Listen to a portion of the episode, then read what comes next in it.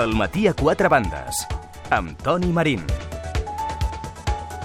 Les 10 i 8 minuts. Bé, doncs eh, la notícia l'hem coneguda durant eh, les eh, notícies. Efectivament, la policia ha entrat a l'Ajuntament de Lloret de Mar en una operació contra la màfia russa.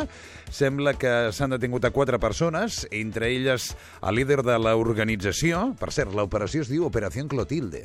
Un dia d'aquests alguns hauria d'explicar qui és qui li posa els noms i per què. En fi, Operació Clotilde. Doncs el que dèiem, la Guàrdia Civil acaba de detenir a quatre persones, entre elles el líder de l'organització, Andrei Petrov, Eh, els altres tres són el pare de Petrov, un home que es diu Boris, la secretària de l'empresari i l'arquitecte de l'Ajuntament de Lloret. És pràcticament tot el que sabem eh, ara mateix. El nostre, els nostres companys estan viatjant fins a Lloret de Mar en el mateix instant en el que tinguem altres informacions, com es poden imaginar, doncs, eh, doncs eh, les compartirem amb tots eh, vostès.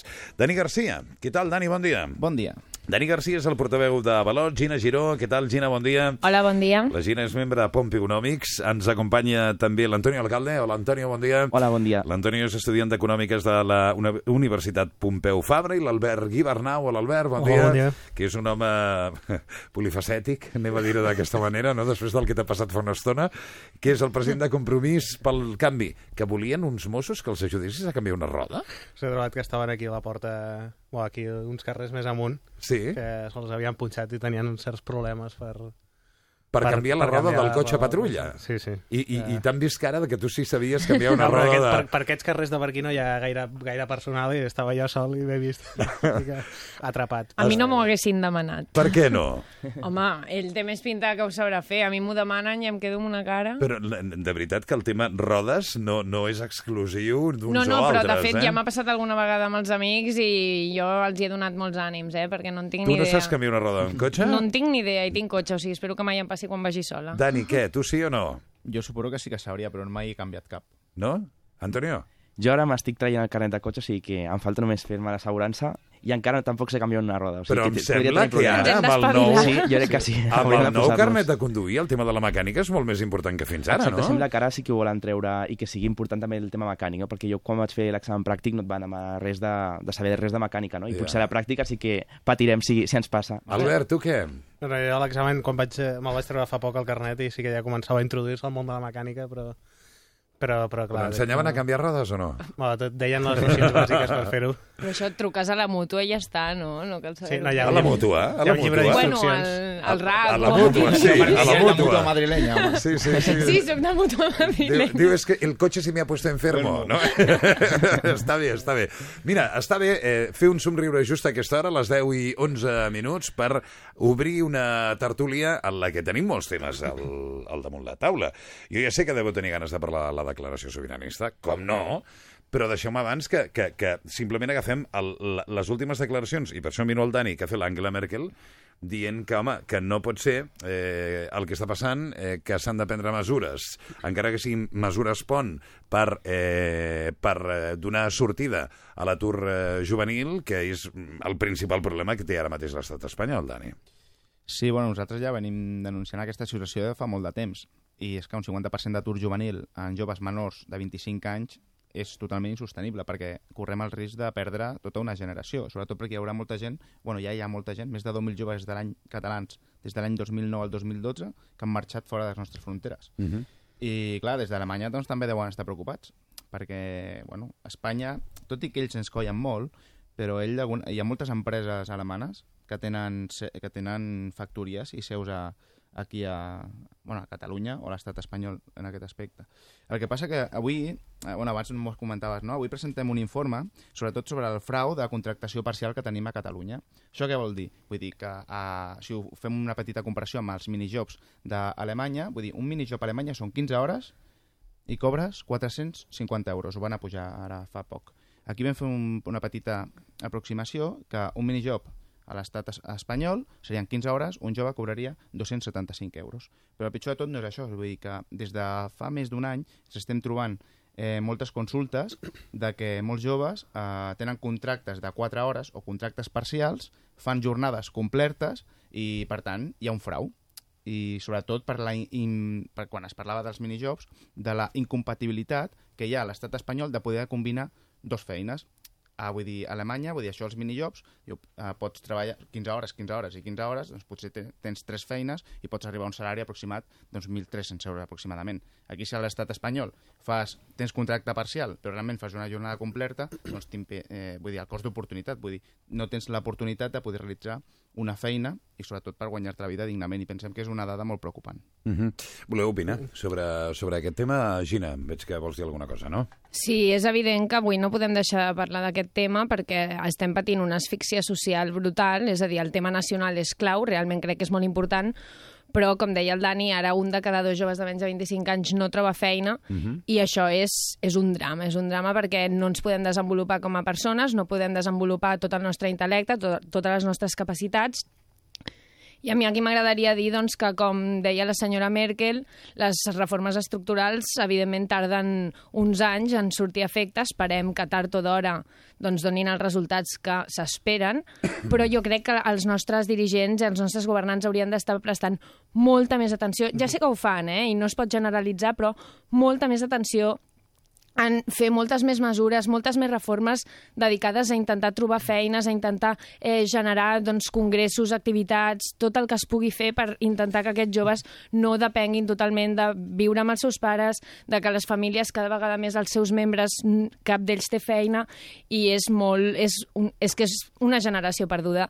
I també m'agradaria dir que com tots nosaltres som estudiants, som gent jove, que hem de tenir molt clar que ara ja ningú ens traurà les castanyes del foc i que ens hem d'espavilar, és a dir, ni l'empresa privada ni l'Estat no ens cauran feines del cel i jo crec que hem de fer una crida a l'emprenedoria, perquè és aquí on ens en sortirem. Antonio, què dius? Jo precisament estic d'acord en, el, en el que dèieu, en el sentit de que ha de ser un problema i el que deia eh, precisament tu és que això mateix, no? que els polítics s'haurien de preocupar potser molt més d'aquests temes i no tant de les banderes o temes nacionals o declaracions que no tenen cap validesa jurídica. No? Jo crec que en part tot el tema de la crispació envers els polítics també ve perquè jo crec que estan fent temes i tractant temes que potser no són els que més preocupen a la ciutadania, no? per exemple el tema de l'atur juvenil. No? A més, per exemple, no s'ha parlat gaire tampoc de que precisament Catalunya és la segona comunitat autònoma on més està augmentant l'atur. No?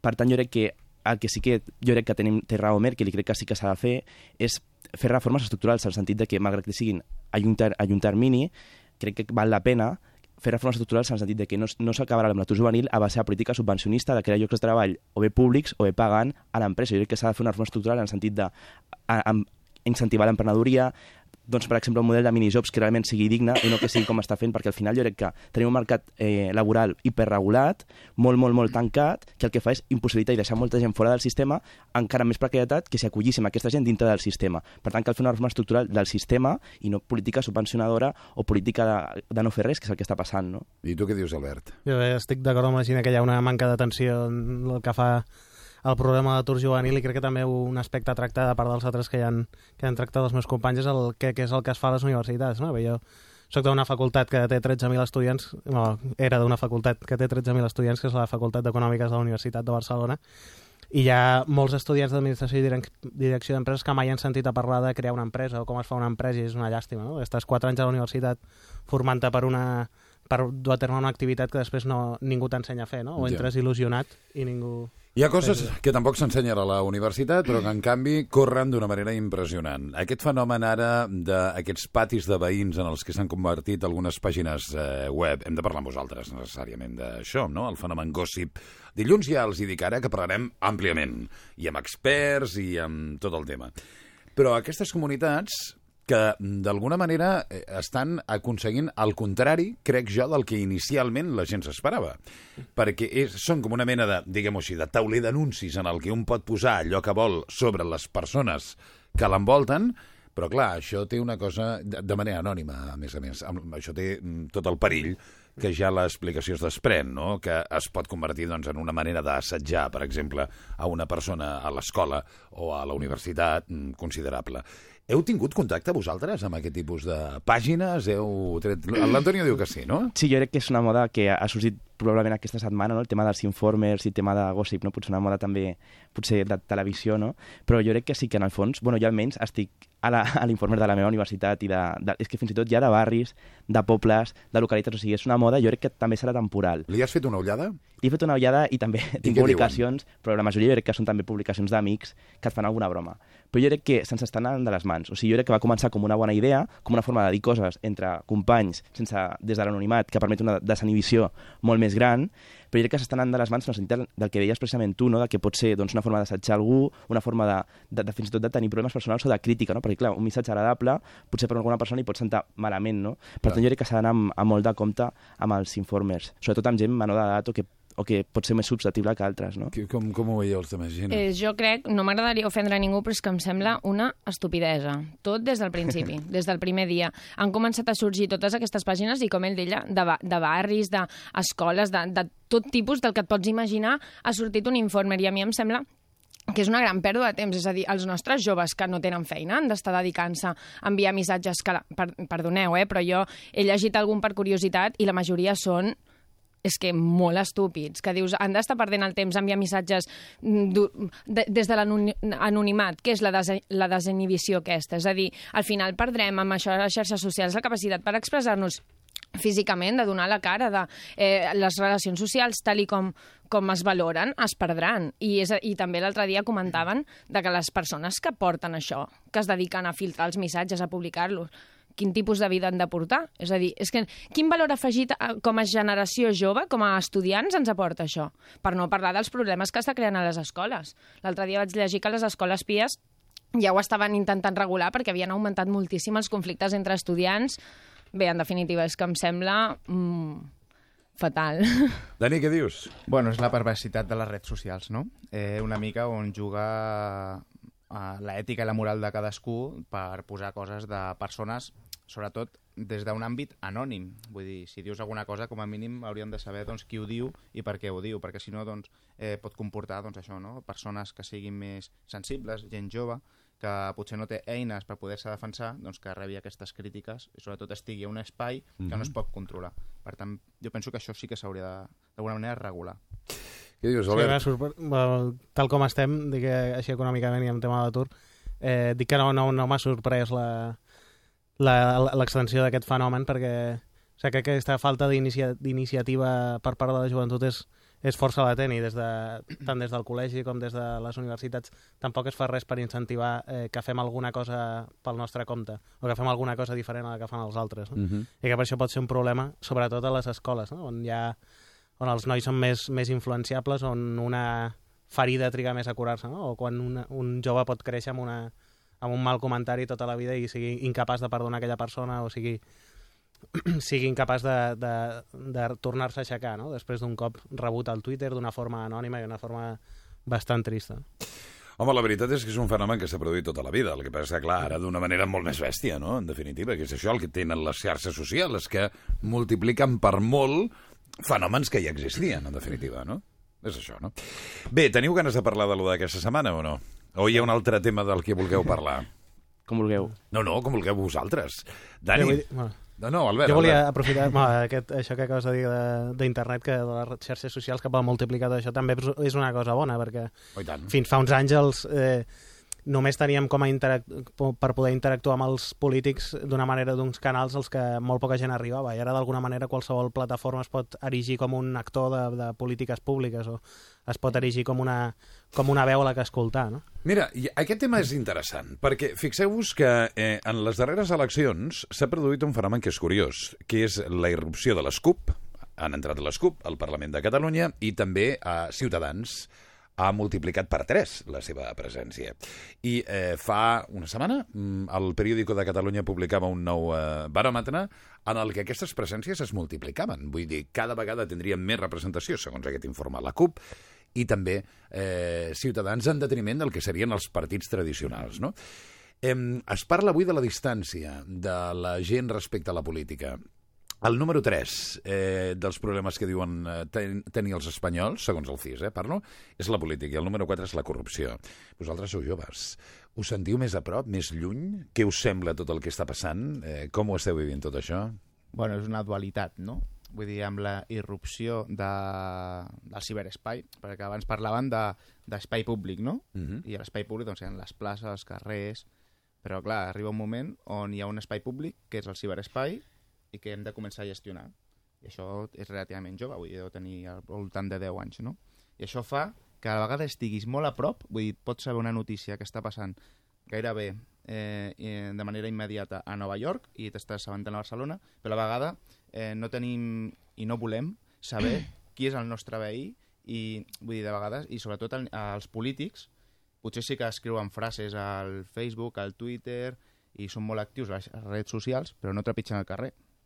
I si trepitgen al carrer, de vegades ho fan amb, escol amb escolta i no trepitgen doncs, les diferents realitats. Vull dir, ells viuen a la seva realitat. Vull dir, sempre es corre el perill de que si tu relaciones només amb un grup No, no, d'amics... no hi ha tants polítics amb escolta, no, Dani? No, hi ha uns quants. Bueno, els consellers... Bons consellers. Ja està. Vull dir, bueno, vale, ja està. En una altra època, més negra sí que hi havia més. Però bueno, que, però vull dir que de vegades perden la noció de la realitat.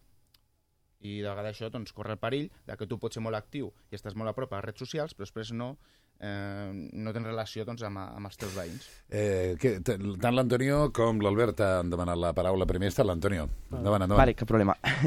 doncs jo precisament crec que en el que deies eh, precisament és en el tema de la crisi política que vivim. No? Jo crec que hi ha una crisi política de desconfiança i de, de la ciutadania envers, envers els partits polítics, especialment, com dèiem, els partits polítics tradicionals. No? Jo crec que vivim un moment d'un canvi, no? d'un canvi a nivell polític, en el sentit que o els partits polítics són capaços de fer front, perquè és una oportunitat també tots aquests problemes i que surti tot el pus, doncs fer un, una regeneració política i canviar realment un model jo crec que la gent rebutja en general, o sigui, tenim una justícia ineficient, tenim uns partits polítics tancats en si mateixos, que no són, no són gens participatius ni amb les bases ni amb, la, ni amb el conjunt de la ciutadania, i veiem com altres partits polítics que fan noves formes de fer política, que tampoc estan diferents, sinó simplement doncs, més, parlant més clar o fent doncs, possiblement coses més atrevides, doncs aconsegueixen portar molta més gent. No? Jo crec que això és el que també reclama la gent, noves formes de fer polítiques, no, no el sistema tradicional, jo crec que més la, la gent jove hem de ficar una mica canya en aquest sentit de dir, ja està bé que política no és només votar cada quatre anys, també és fer doncs, altres coses, no? i també volem tenir doncs, relació amb els polítics que tinguin Twitter. Albert Rivera, per exemple, és un, és un, té un Twitter amb moltíssims seguidors i és Clar, bidireccional. és un perquè- crac amb el Clar, tema de les... O sigui, de, Albert Rivera amb el tema de les noves tecnologies. És un Sí. crac, Clar, és el polític més actiu i amb més seguidors, que ha, crec, en tot l'estat espanyol, no? probablement UPyD igual, també tenen altres polítics que també tenen moltíssims seguidors i tenen activitat a les xarxes socials. Per tant, també jo crec que els partits tradicionals estan cometent un error. Per exemple, el senyor Turull ara, abans de l'entrevista, deia no? que ell Twitter no en volia tenir, que és una arma de doble fil. No? Home. jo crec que també s'ha de ser arriscat en També s'ha d'entendre, també s'ha d'entendre que després de la setmaneta que porta el senyor Turull i el que ha generat el tuit que va fer Marta Llorenç recordant a Convergència que estava embargada la seva seu, Però clar, el que fa diguem Twitter que és, és fàcil evidenciar una entendre- realitat que hi ha. Sí, el que passa és que el, el Twitter eh, té una cosa que, eh, que a mi m'agrada molt, perquè eh, hi ha molta gent que encara no s'ha donat que quan està eh, eh, fent un tuit està participant en un mitjà de comunicació i està, allò que diu té conseqüències. És igual eh, donar una entrevista a la ràdio i després treure un tall de veu i que allò sigui un titular. De per si el tuit és un titular. Fins que això no se n'adonin, acabarem tenint, o continuarem tenint, ensurts com el que aquesta setmana ha tingut Convergència i Unió amb la senyora Marta Llorenç. Per què? Perquè és el rebote. És, no aniria mai a una entrevista just després de, de tenir una molt mala notícia i es posaria a parlar i a dir tot el que li passa pel cap en una entrevista. Doncs el Twitter és exactament el Clar, mateix. el que no es pot fer a Twitter és ser impulsiu. Dir el que penses en aquell moment. Jo crec que en el Twitter s'ha de ser una, si ets polític i més portaveu, s'ha de ser molt calmat per pensar el que tu dius no entendre, que, que jo té una, una expansió pública potser més que qualsevol altre mitjà de comunicació, és probablement. un mitjà de comunicació. Clar, el que no hem acabat d'entendre encara és que mm, les xarxes socials són tal qual, mitjans de comunicació, no? Albert, què anaves a dir, tu? Mira, el que anava a dir en referència a Ciutadans i a la CUP, volia dir dues coses. La primera és que Ciutadans i la CUP són partits joves i amb gent jove, no? que això cer- certament també atrau molt, eh, perquè quan veus els dirigents dels partits polítics i veus que, doncs, que porten el, seguts al, al Parlament gairebé des de la primera legislatura, doncs això et deprimeix una mica, no? Perquè és complicat que, que les mateixes persones de fa 30 anys et parlin de, de regeneració política. No? I després també eh, volia dir que aquest, aquests partits no, no, no han estat mai a, al govern o en posicions de govern complicades, no? i tampoc, han- tampoc han estat sotmesos a grans pressions i no han tingut temps de, de cometre errors, no? Esperem que no els cometin, no? Perquè serà un bon símptoma de regeneració, de regeneració democràtica, però de moment.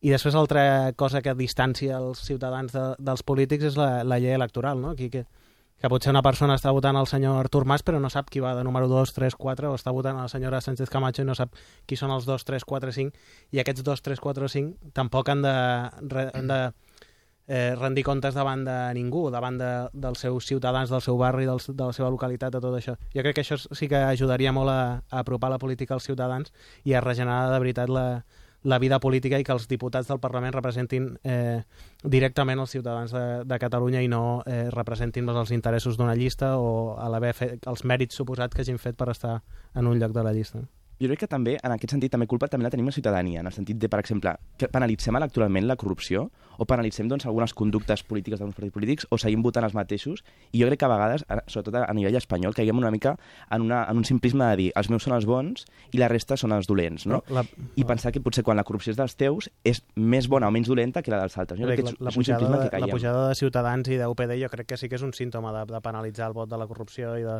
els partits estan eh, ja ficats, no? O, o la pujada d'Izquierda Unida, tot això crec que és, és un símptoma de, de que la gent està farta dels partits tradicionals i que se'n van anant, uns se'n van cap a una dreta, uns se'n van cap a una altra esquerra i, suposo que d'aquí un temps apareixerà un partit polític que, al costat del Partit Popular perquè no sigui el Partit Popular. Bueno, sí, jo crec una... que ara a poc a poc sí que estan sorgint els nous partits polítics que, com deia ell abans, encara no han tingut temps de cometre errors, que esperem que no els cometin, però a poc a poc la població se n'està donant de que necessitem un canvi, perquè fins ara jo crec que en general l'Espanya aquesta estava molt, molt lligada als grans partits que havien dominat tota la transició democràtica i era com que la gent es negava a votar altres coses, a mirar més enllà. Però crec que a poc a poc, aviam, és que si la corrupció no es penalitza electoralment, llavors és que com a societat tenim un problema. Llavors em, em nego a pensar això. I pel que parlàvem del, um, abans de les xarxes socials, deixant davant del tema aquest que estic d'acord que fomenten l'anonimat i que són una mica una arma de doble fil, perquè per altra banda, no sé vosaltres, però jo no vull que els polítics i la gent de la qual nosaltres depenem, en certa manera molt, eh, estigui tot el dia enganxada a les xarxes socials. És a dir, crec que s'han de saber mm, fer servir i això que parlàvem de les polèmiques, sí, és, és veritat, s'han de saber fer servir per no armar aquí un incendi, però a la vegada crec que les polèmiques no són dolentes, perquè allà es veu de veritat quins problemes tenen els partits i fomenten debats que crec que són positius. I això crec que el Twitter sí que és un, un, una eina que tenim també la societat d'estar molt pròxims a, als nostres dirigents i que es creïn debats que a tots ens beneficin, perquè si no, no es posen sobre la taula alguns temes que, que s'haurien de posar. I ja l'últim, eh, m'agradaria dir això de que ara s'hauria d'aprofitar, tal i com fa uns anys es va voler fer una transició democràtica per sortir a tot un sistema que havia fet molt de mal, crec que ara s'hauria d'aprofitar la crisi econòmica i tot el que estem patint, totes les corrupcions que s'estan destapant, l'atur, tota la manca de valors que crec que la nostra societat ara ens estem adonant tots una mica a poc a poc, però ens estem adonant que estem patint una gran crisi de, de política, econòmica, financera, de valors, doncs crec que tot això els polítics s'ho haurien de prendre com una motivació per estar pròxims a la gent i realment canviar una miqueta la seva actitud i les ganes de fer coses noves. L'Albert volia dir alguna cosa, sí, no, Albert? Sí, molt breument. No, jo volia dir que, que el fenomen de, de la CUP o de Ciutadans i fa un, fa un parell d'anys el de Solidaritat també va eh, animar a la gent a, a atrevir-se a votar partits extraparlamentaris, que fins fa uns anys eh, votar un partit que no era el Parlament era la sensació com de tirar el vot, no? o això no servia per res, o alguna cosa així. En canvi, ara veient que hi ha nous partits que poden anar entrant al Parlament de Catalunya, que es va obrint una mica el ventall de possibilitats i el ventall d'opinions representades al, al Parlament, doncs això pot ser una gran mesura de regeneració us, política. Us puc fer el salt un moment? Sí. Sí? Val, eh, no, estic segur que us interessarà a vosaltres també, eh? perquè hem eh, començat aquest tram, aquesta mitja hora, saludant, eh, saludant parlant d'una informació de que la Guàrdia Civil havia entrat a l'Ajuntament de Lloret de Mar en una operació que, pel que sabíem aleshores, anava eh, adreçada contra la màfia russa. Ha arribat fins a l'Ajuntament de Lloret el nostre company Dani Jiménez. Dani, què tal? Bon dia. Hola, bon dia, què tal? Com estan les coses per aquí, Dani? Doncs eh, aquí mm, sembla realment que, que no passi res si no fos pel dispositiu molt discret que ha posat la Guàrdia Civil al voltant de l'Ajuntament de Lloret de Mar, que es troba al costat del passeig marítim d'aquesta localitat salvatana. Uh -huh. eh, com que és un espai molt obert, un espai on hi transita gent habitualment, doncs eh, ningú s'està donant pràcticament que a dins eh, hi ha efectius de la Guàrdia Civil, com dèieu vosaltres, escorcollant en aquests moments les dependències municipals busquen eh, sobretot expedients urbanístics, eh, documents de permutes i exempcions tributàries que puguin ajudar a aclarir dades d'aquesta operació anticorrupció anomenada Clotilde i relacionada, com dèieu, amb la màfia russa que opera a la Costa Brava. Uh -huh. eh, sabem ben poca cosa més, no, Dani? Sí, és una operació dirigida pel jutge de l'Audiència Nacional, Eloi Velasco, per tant, eh, les eh, ordres en aquest cas venen directament des de Madrid. Ja ha permès la detenció de quatre persones, entre elles el ciutadà rus Andrei Petrov, la seva secretària, el seu pare i l'arquitecte municipal Pilar Jimeno, d'aquí que eh, aquestes investigacions se senten en dependències de l'Ajuntament, almenys durant el matí s'investiguen totes, tota una sèrie de documents que daten, per cert, dels anys en què l'actual diputat de Convergència i Unió al Parlament de Catalunya, Xavier Crespo, era alcalde del municipi. déu nhi Doncs veurem amb què ha acabat tot això. Com dèiem, de moment hi ha hagut quatre detencions, no? Sí, quatre detencions. Com dèiem, la d'aquest ciutadà rus, Andrei Petrov, que és eh, un dels principals implicats, juntament amb el seu pare, la secretària, però també l'arquitecte municipal d'aquí de Lloret de Mar, eh, Pilar Jiménez, i les investigacions com que continuen obertes i també aquest escorcoll, doncs sabrem al llarg de les properes hores algun altre detall. Doncs estarem molt atents. Gràcies, Dani. Fins després. Molt bon bé. dia. Fins després, bon dia. És curiós perquè m'acaba de venir al cap Xavier Crespo, efectivament era, era l'alcalde de Lloret de Mar, i si vostès se'n recorden, quan eh, es va formar l'anterior govern eh, i el president de la Generalitat va, eh, va eh, nomenar Felip Puig conseller d'Interior aleshores, un dels noms que tothom tenia coll avall que aniria al Servei Català de Trànsit era justament Xavier Crespo, en vam parlar aquí en el, en el seu moment. Bé, no sabem exactament Eh, no sabem exactament com acabarà tot això, simplement deixar-ho alt damunt la taula. Les 10 i 34 minuts. Ara, ara de seguida anirem a, a... A on estàs, Jaume, avui? No sé si estàs a Lleida, no sé si estàs a Osca. On estàs avui? A Osca, Osca. A Osca, Osca. Fa, fa molt de fred a Osca o no? Només et dic una cosa, no és estrany veure cotxes circular amb un pam de neu al sostre. Ah, quin fred, no? Sí. Bueno, espera, que el Dani ha de marxar.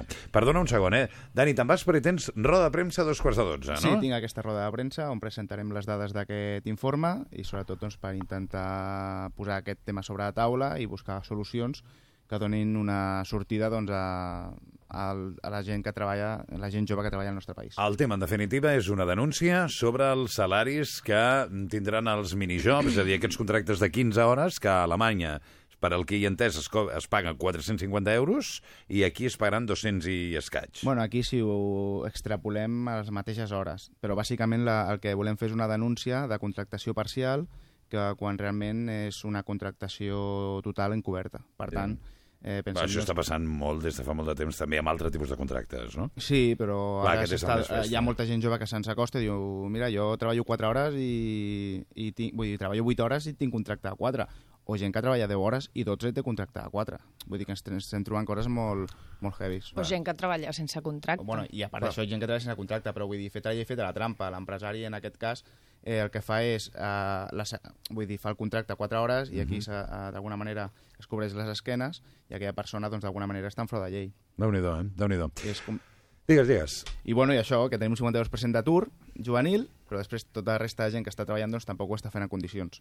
I, per això, I nosaltres, com a sindicat de joves, doncs, pensem que hem de posicionar aquest tema sobre la taula. Molt bé, doncs em sembla molt bé. És el porteu de, de Balots, en Dani Garcia. Cuida't molt, Dani. Gràcies i fins la setmana vinent.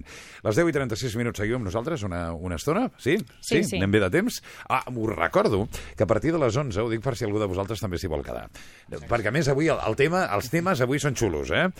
D'entrada, parlarem de somnis. Tu tens molts somnis? Parlo de somnis d'allò que t'agradaria arribar a fer, Jaume. Sí. Sí, què t'a- què t'agradaria arribar a fer a tu? Quin és el teu somni vital? Jo en tinc molts, eh?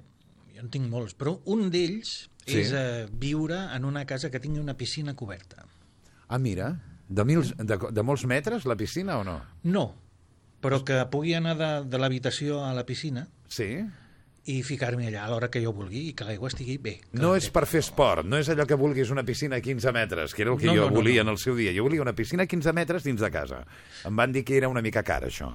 Jo vull un jacuzzi gran. Un jacuzzi gran. Perfecte. Eh? Les bombolletes, que s'està molt bé, no? Sí, un racó amb, amb bombolletes i un altre doncs, només està allà surant. Fantàstic. Aigua i fer vida de, de, de, marmota. De marmota. Gina, tu tens algun somni? Allò, aquella cosa que t'agradaria arribar a fer alguna vegada a la vida?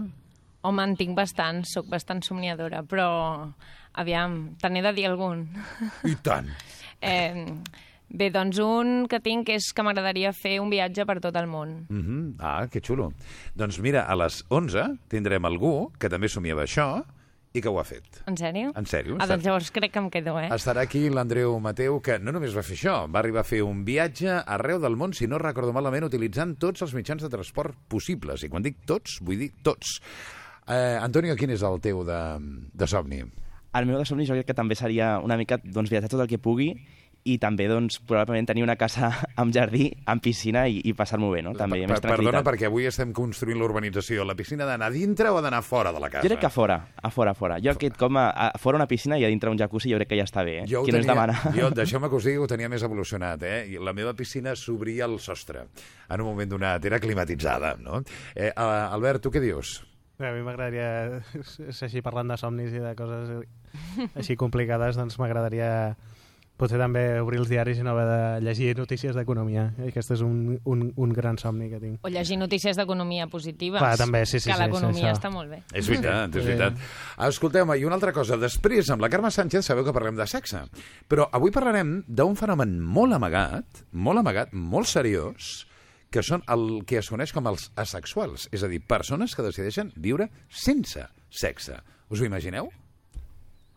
Home, jo crec que hi ha precisament gent religiosa i tal que ho deixa, ho posposa bastant o fins i tot no tenen en tota la seva en el vida, cas no? de la religió és allà on anem a parar tots en, el, en primer terme. Bé, és normal. Clar. Eh, la història està en quan un ho decideix. I no per un caràcter religiós, sinó per un caràcter vital que el sexe no li interessa. Ah, pot, pot ser perquè... O sigui que potser hi ha persones que, que han vist, eh, que segons al- en altres persones, han vist els que potser s'han arribat a, a obsessionar tant amb el sexe o amb alguna cosa així que han dit, bueno, jo no vull arribar a aquests extrems o... No sé, aquesta crec que pot ser una, una explicació, o que ha vist tants mals rotllos a classe o el que sigui.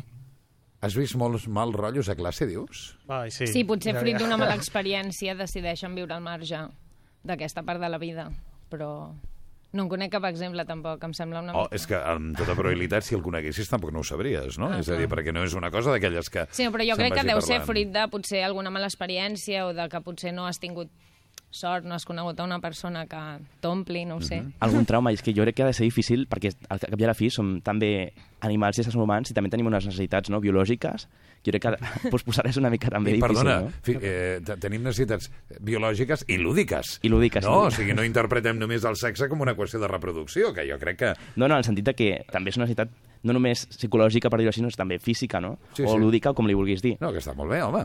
Eh, Jaume, i tu què?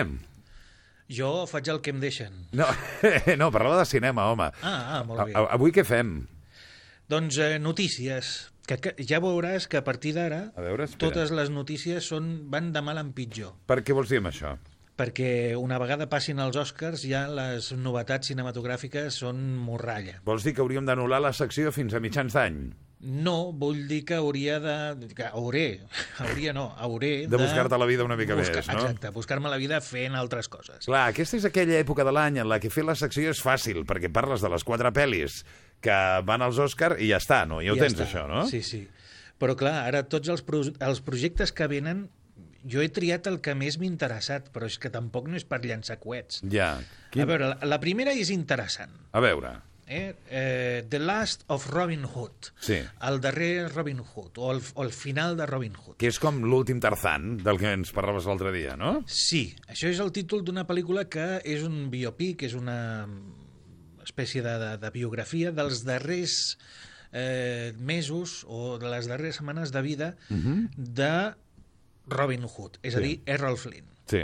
Eh? Errol Flynn és el, el Robin Hood, per excel·lència. Sí. Doncs bé, el Kevin Klein i la Susan Sarandon són els protagonistes, acompanyats de Dakota Fanning, que és aquesta noia, aquesta actriu joveneta, molt interessant, que està pujant com l'escuma de la cervesa. Eh? Per què ho dius amb aquest to? perquè és... Ah, per posar-hi èmfasi. Sí, Ah, és, ok, és, ok. allò, està pujant... M'agraden els tòpics. Sí. Eh? I aquest, doncs mira, m'agrada.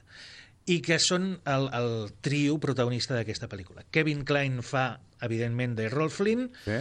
Susan Sarandon no, No fa d'Errol Flynn. no, Dakota Fanning fa de dona de Errol Flynn, i, i tu diràs, però si aquesta noia és molt joveneta. Efectivament, Errol Flynn es va casar amb una noia de 15 anys Ja veus.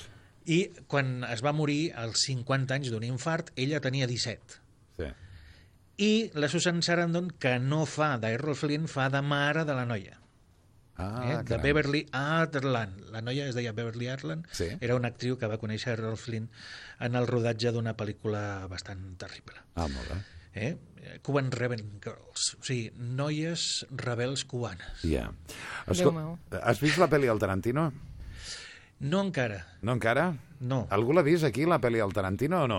Ho tinc pendent aquest Sí, cap la de setmana, segurament. La Marta Soler, que diu que és fantàstica, que és fantàstica d'aquella manera. A mi m'han dit que li sobren els últims 20 minuts. És el que m'han dit de la pel·li al Tarantino. A veure, jo he vist una hora i mitja de pel·lícula, però com que dura tres, no l'he vista tota. Però co- com vas a veure una hora i mitja de pel·lícula? I l'altra no- hora i mitja què? No vaig al cinema. Ah, que te la pirateges. No, jo...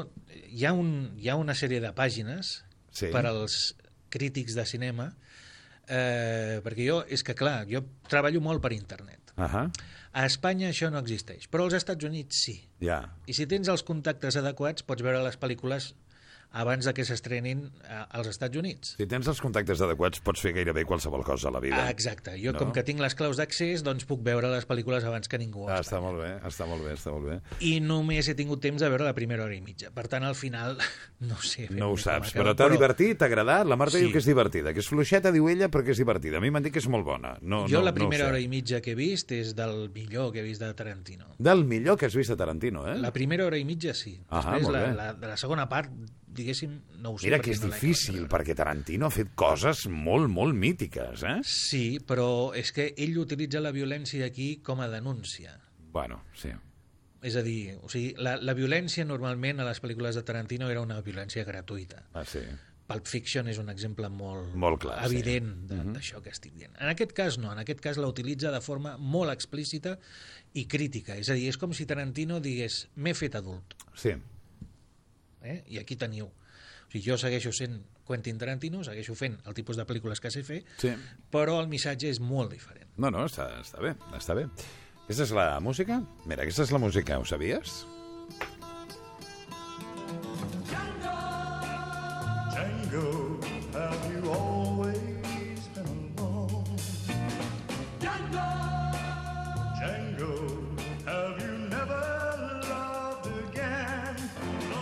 Però és que fins i tot la música Sí, és Tarantino. Saps el que vull dir? sí. Sí, em recorda, m'està recordant un, un moment de Kill Bill, aquesta música. És No? que ell agafa les bandes sonores dels spaghetti westerns, aquesta és el Django de l'any 66, eh, l'italià, i en la qual es basa aquesta pel·lícula i aleshores ell la- agafa aquesta banda sonora i la introdueix dintre de la seva no Ja. té, pràcticament no té mai músiques originals Ja. en les seves pel·lícules Heu anat a veure alguna pel·li vosaltres aquests dies o no? Jo vaig veure la de Lincoln. Lincoln? Va, Ai, què? Va agradar bastant. Se'm va fer bastant curta, eh, quan vaig sortir del cinema eren gairebé les 10 de la nit, ho portàvem més de dues hores i mitja allà al cinema, Déu-n'hi-do. i pues, força, força interessant. Força interessant, sí, sí, Lincoln, sí. eh? Veig que l'Antoni també l'ha vist, no? No, no, no, és una Ah, de les no. que tinc pendents. Tinc pendents dues. Lincoln i Els Miserables, que també m'han dit que és molt, molt, molt bona. Tu vas parlar molt bé de Los Miserables, no, Jaume? sí, sí, sí, Sí, sí, sí. Diuen que potser una mica llarga.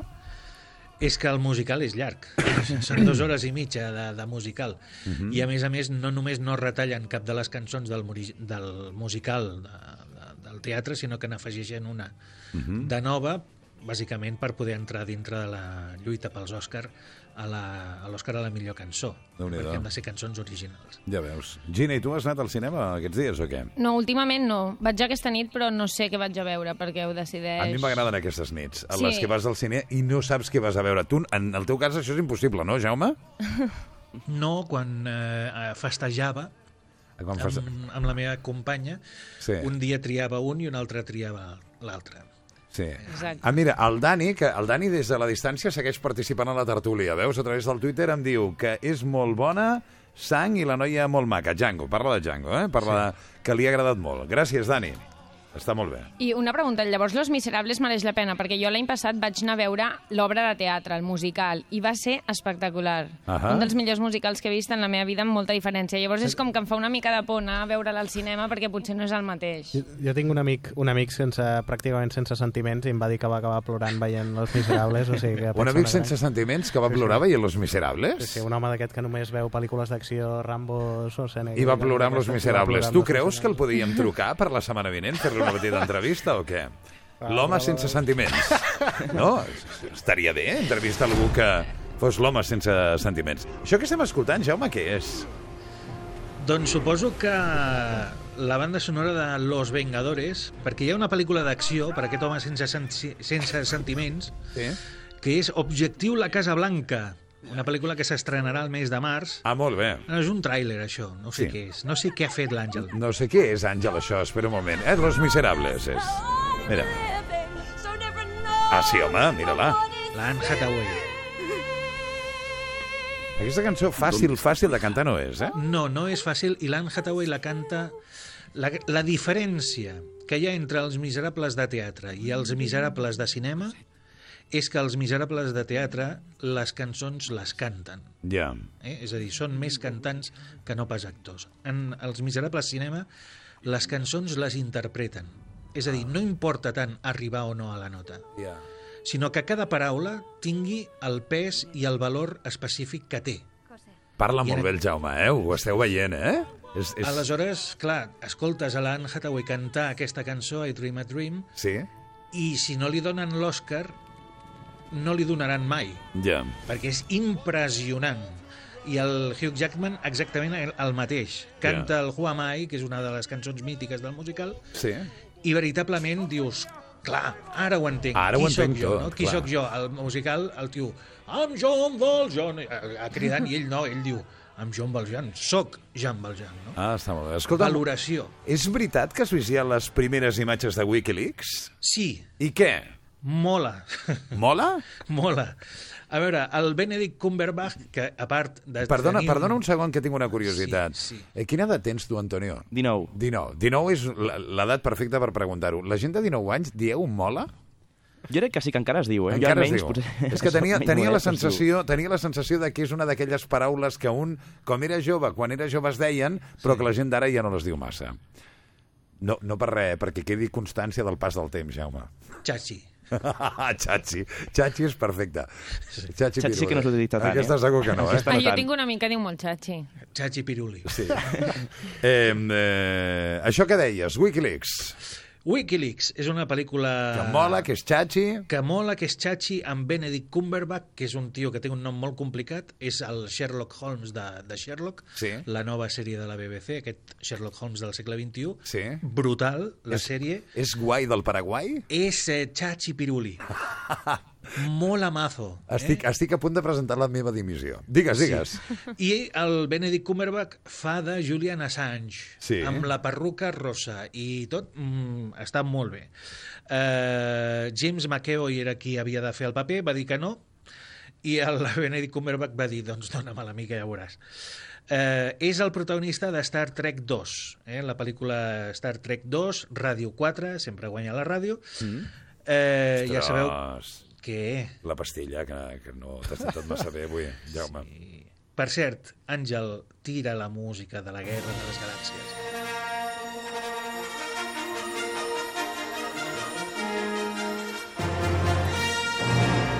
I per què... Ah. Què t'ha passat? Sí! Però, Jaume, què passa? A Disney hi ha gent que pensa I això en què es tradueix? que ja tenim director per la Guerra de les Galàxies 7. Ah, molt bé. I, i, I qui és? J.J. Abrams, el director de Star Trek 2, Ah, molt bé. eh? Ràdio 4. Star Trek 2. Sí, però la Guerra de les Galàxies 7, eh? Compte. Sí, ens, és que ens fotran una panadera impressionant. A veure, la notícia és un terratrèmol perquè ha sortit fa poc, Sí, fa unes hores. sí. J.J. Abrams és el creador de Lost, perduts, Sí, perdidos, sí, sí. Eh? i de tota una sèrie de mítiques sèries de televisió que tothom segueix. Sí. També d'aquesta pel·lícula Super 8, que molt poca gent ha acabat d'entendre, però bé, jo crec que és una petita obra molt interessant, i sobretot les dues darreres pel·lícules de Star Trek. Una ja l'hem vista i l'altra està a punt d'estrenar-se al nostre Ah, país. ah, molt bé. Què passa? Aquest home, quan va fer l'Star Trek, va dir és que jo no sóc Trekkie, jo sóc de la Guerra de les Galàxies. Mira que bé. Però ho va fer tan bé que els Trekkies li han perdonat. Ah, molt bé, molt bé. I ara què passa? Normalment, si eres de Star Trek, no eres de Star Wars, Sí. i a l'inrevés. Aquest home ha aconseguit ser les du fer les dues coses a la vegada. Impressionant, eh? Dirigir Star Trek, o Stick Tartar, com li diem a casa, Sí. i Star Wars. I ho fa tot i ho fa bé. Espero que sí. Ja. I si això li afegim que l'alternativa era Ben Affleck, Encara millor, no? jo, a mi em feia més por que una pedregada. O sigui, Ben Affleck dirigint la Guerra de les Galàxies, no! No? Argo sí, dame Argo. Escolta'm vale. una cosa, però... Però Star Trek... No, no, Star Wars no! Ja, Jaume, una cosa, escolta'm. Això sí que queda vell. Ben Affleck té algun Veritat. tipus de... per- Perdó la meva ignorància, eh? Sí. Però hi ha alguna pel·lícula que hagi dirigit Ben Affleck? Sí? Argo. Ar Argo. Ah, val, val, val, val. val. Ah. ah, i està bé? Està molt bé. Està molt bé. Però no serveix per dirigir la Guerra de les Galàxies. No ho sé, ni vull saber-ho. Ni vols saber-ho, tampoc. a dir, hi ha coses que no vols, no, que no vulguis saber mai a la vida. Molt bé. Escolteu, el que sí tenim és ganes d'escoltar una música que porto tota l'estona volent escoltar.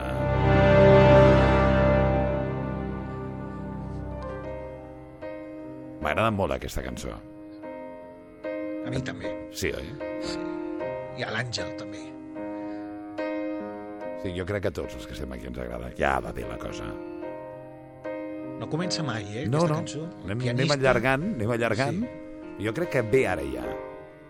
Per com gira la música, jo crec que Adele és a un Ve pas de ara, cantar. ara. This is the end. Hold your breath and count to ten.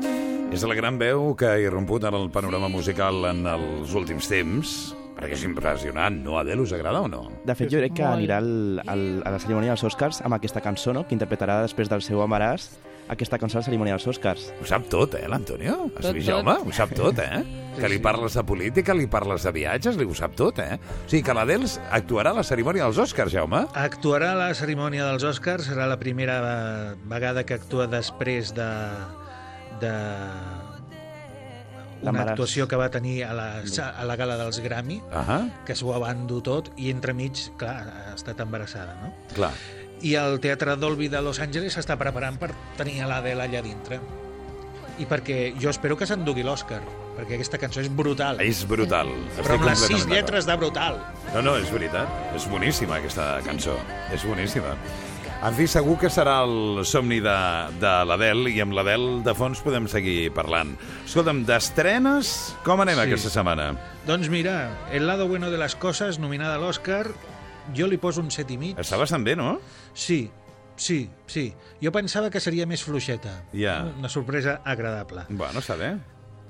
A l'inrevés que El vuelo, El vuelo, què? que jo m'esperava molt més i, I- i El no. vuelo és eh, el, el vuelo és Denzel Washington. Ahà, Eh? O i ja està. I ja i poca cosa Val més. la pena anar a veure la pel·li per veure Denzel aeri. Washington o no? Sí, però és un sis i mig. Un sis i mig, només. Eh? O sigui, és una... Bueno, està bé. Bèsties del sur salvaje, que és una pel·lícula que ja hem vist fa temps i que és brutal i que la gent no entendrà, uh Mhm. o, o molt pocs, i és una òpera prima, val molt la pena. Número, Sí. O sigui, 7, un 7. Està bé. Crec que està molt bé. I Movie 43, que ja vam dir la setmana passada que era la pel·lícula amb la millor el millor repartiment de la història, diuen, per la quantitat d'estrelles que hi ha en aquesta pel·lícula i directors, que com no l'he vista he posat tres interrogants. Ahà. Eh? I les pel·lícules d'episodis a mi em fan molta mandra. A mi també. Escolta'm, Arnold Schwarzenegger Sí. vol fer Terminator 5? Sí, Però això és un notición, no? Terminator 5. Ràdio Eh? 4. Mira, Sí. el Schwarzenegger també ens guanya. Ens guanya. Escolta'm, què? Schwarzenegger. Ja estan treballant i tot, no? Amb... Estan treballant en el guió, ja la, ha comprat la, una productora ha comprat els drets de Terminator que caduquen el 2019 i tornaran a les mans de, del, del director, del pollastre aquest d'Avatar i Titanic, el Mhm. James Cameron, Sí? que és també el de Terminator. Terminator. M'agrada dir Terminator. Vas fatal. Fins al 2019. Déu-n'hi-do. Volen exprémer la llimona ràpid per dues coses. Primera, perquè Arnold Schwarzenegger no, és- no és etern Mhm. i ja té una edat que semblen dues.